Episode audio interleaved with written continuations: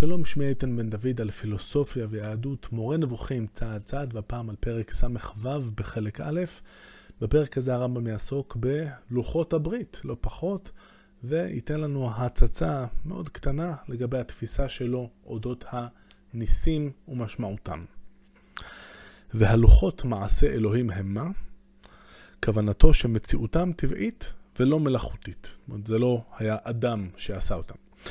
כי כל הדברים הטבעיים קרויים מעשה אדוני. למשל, המה ראו מעשה אדוני. כאשר הזכיר את הדברים הטבעיים כולם, צמחים, בעלי חיים, רוחות, גשמים וכיוצא בהם, אמר, מה רבו מעשיך אדוני. עוד יותר משכנע, אה, ויש פה הערת תרגום, שעוד תרגום אפשרי זה עוד יותר קולע.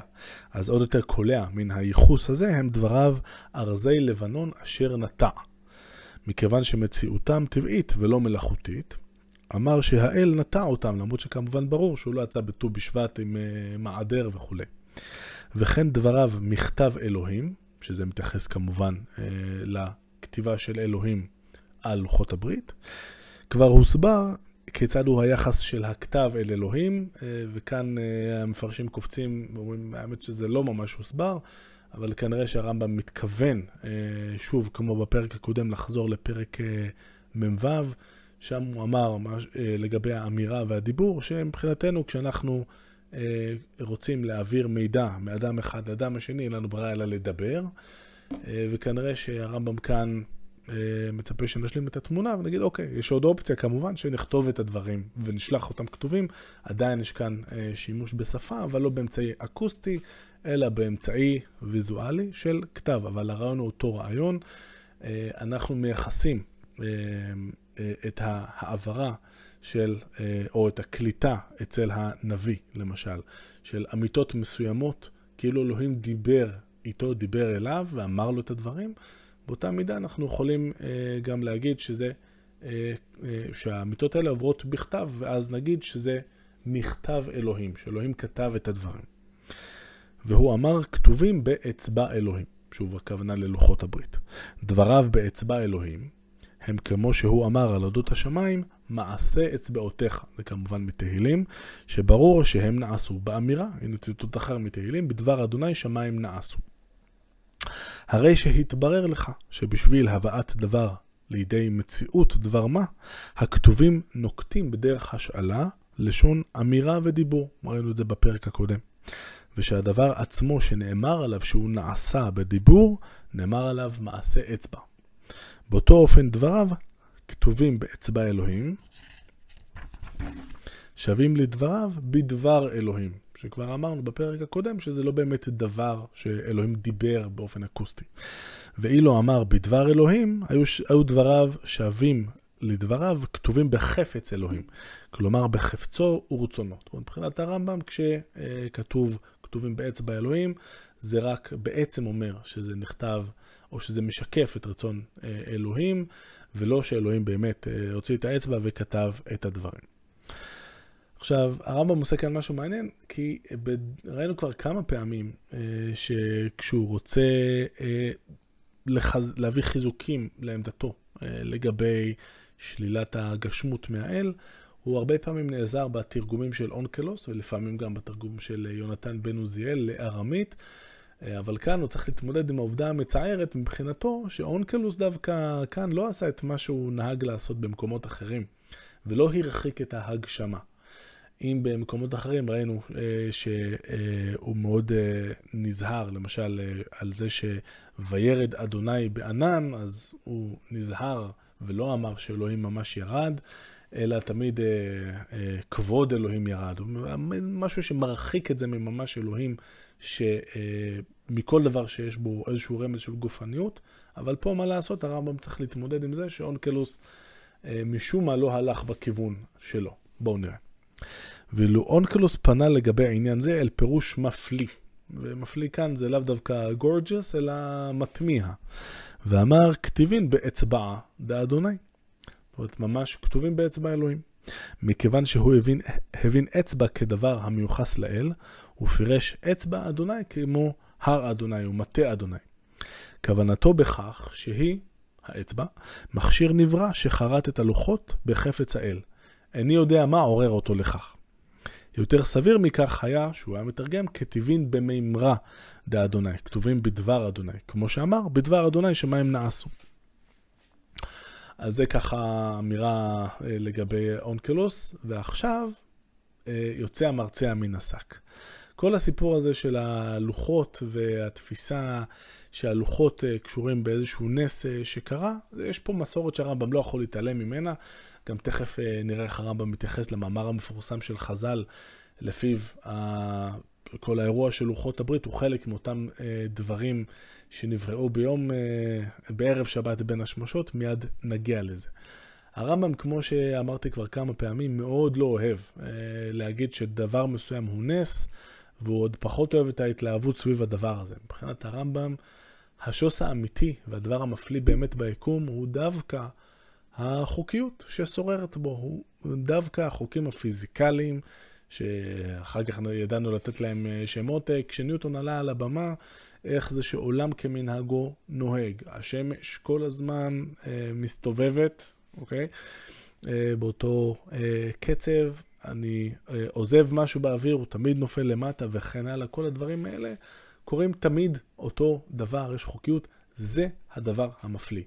זה שמדי פעם נדמה לנו שהטבע נשבר וקורה משהו שלא ציפינו לו, לא מזה אנחנו אמורים, לא מהאפיזודות הבודדות האלה אנחנו אמורים להגיד, אה, איזה יופי, אלוהים שיחק אותה, אלא דווקא אה, מה... החוקיות והשגרה הרגילה, בה מתבטאת באמת, באליבא דהרמב"ם, עוצמתו של האל. וכי סבור אתה שמציאות הכתב בלוחות מפליאה יותר ממציאות הכוכבים בגלגלים?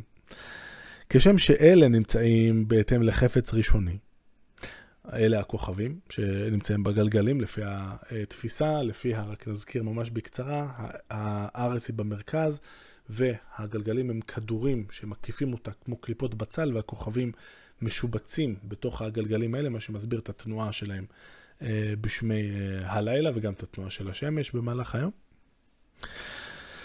כשם שאלה הכוכבים נמצאים בהתאם לחפץ ראשוני ולא על ידי כלי שיצר אותם, כך יהיה הכתב הזה על הלוחות בהתאם לחפץ ראשוני ולא על ידי כלי.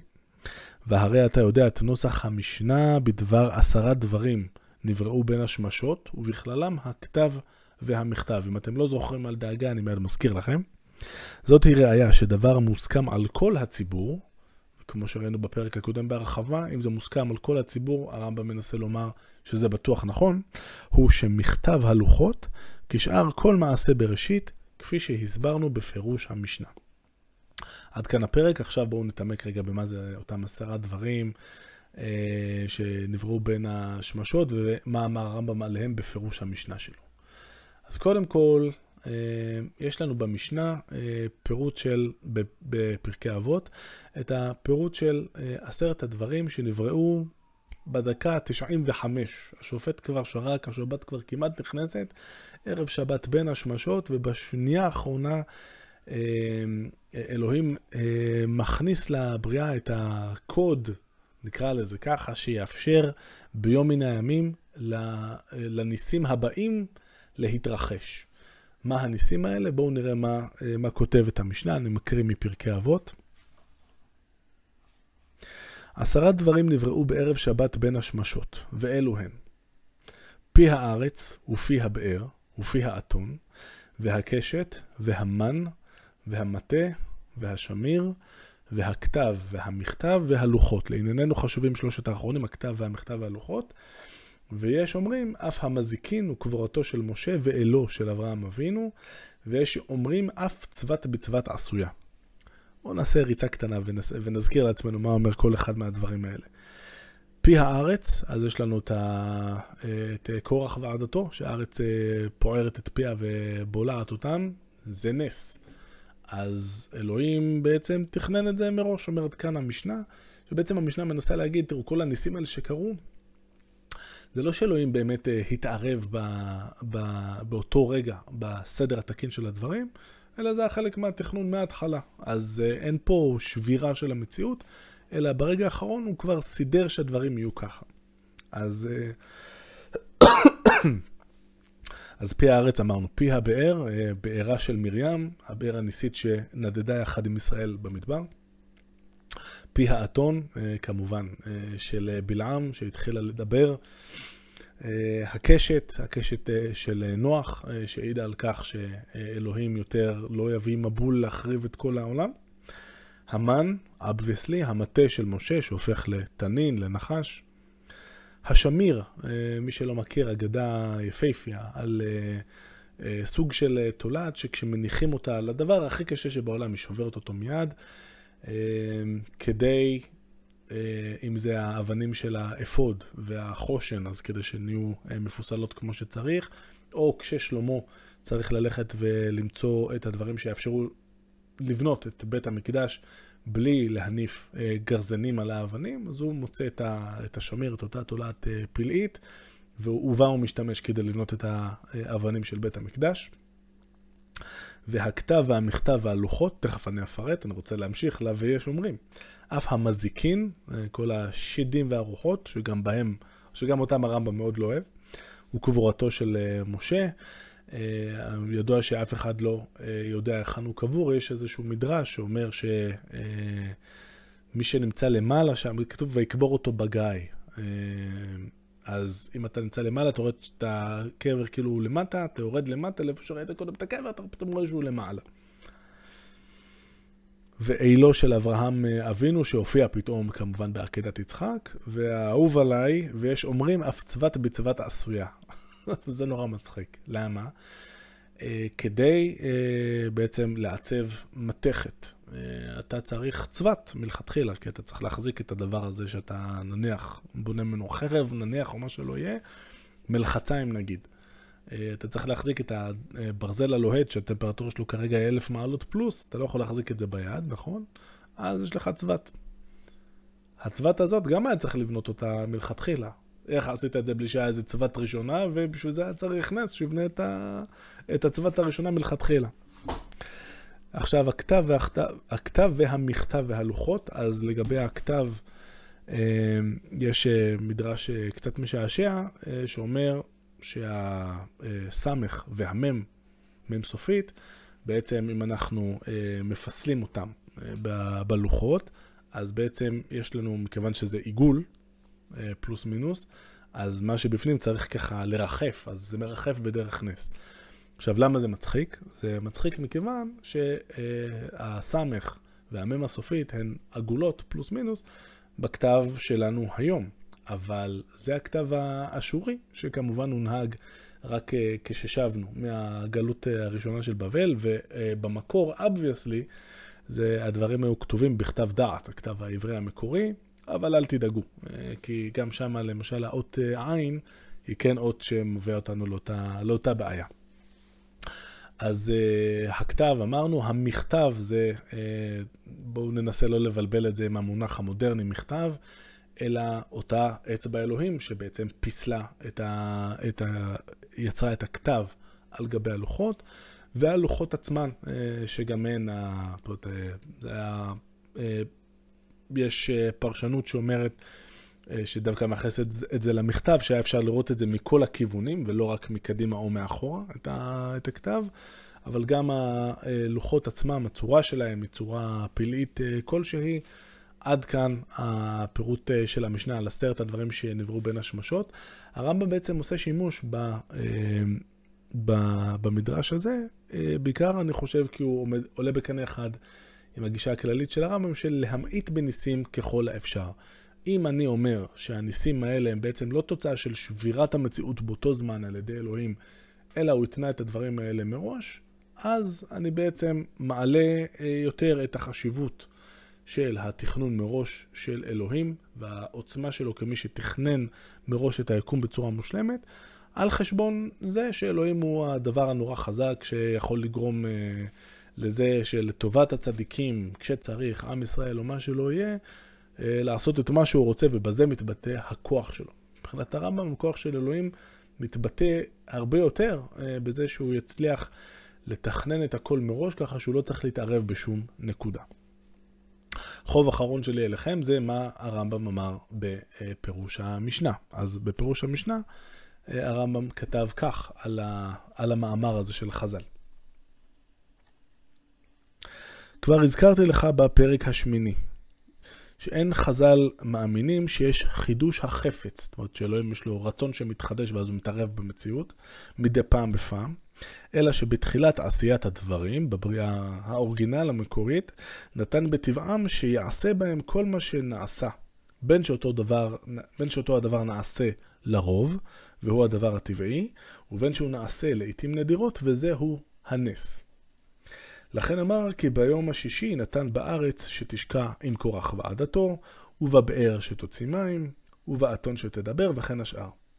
וכתב היא התורה הכתובה לפניו, כמו שאמר, ואין אנחנו יודעים האח, והיא אומרו, ואתנה לך את לוחות האבן והתורה והמצווה אשר כתבתי להורותם. אלה כמובן לוחות הברית הראשונים. ומכתב הוא הכתב אשר על הלוחות, כמו שאמר, והמכתב, מכתב אלוהים הוא.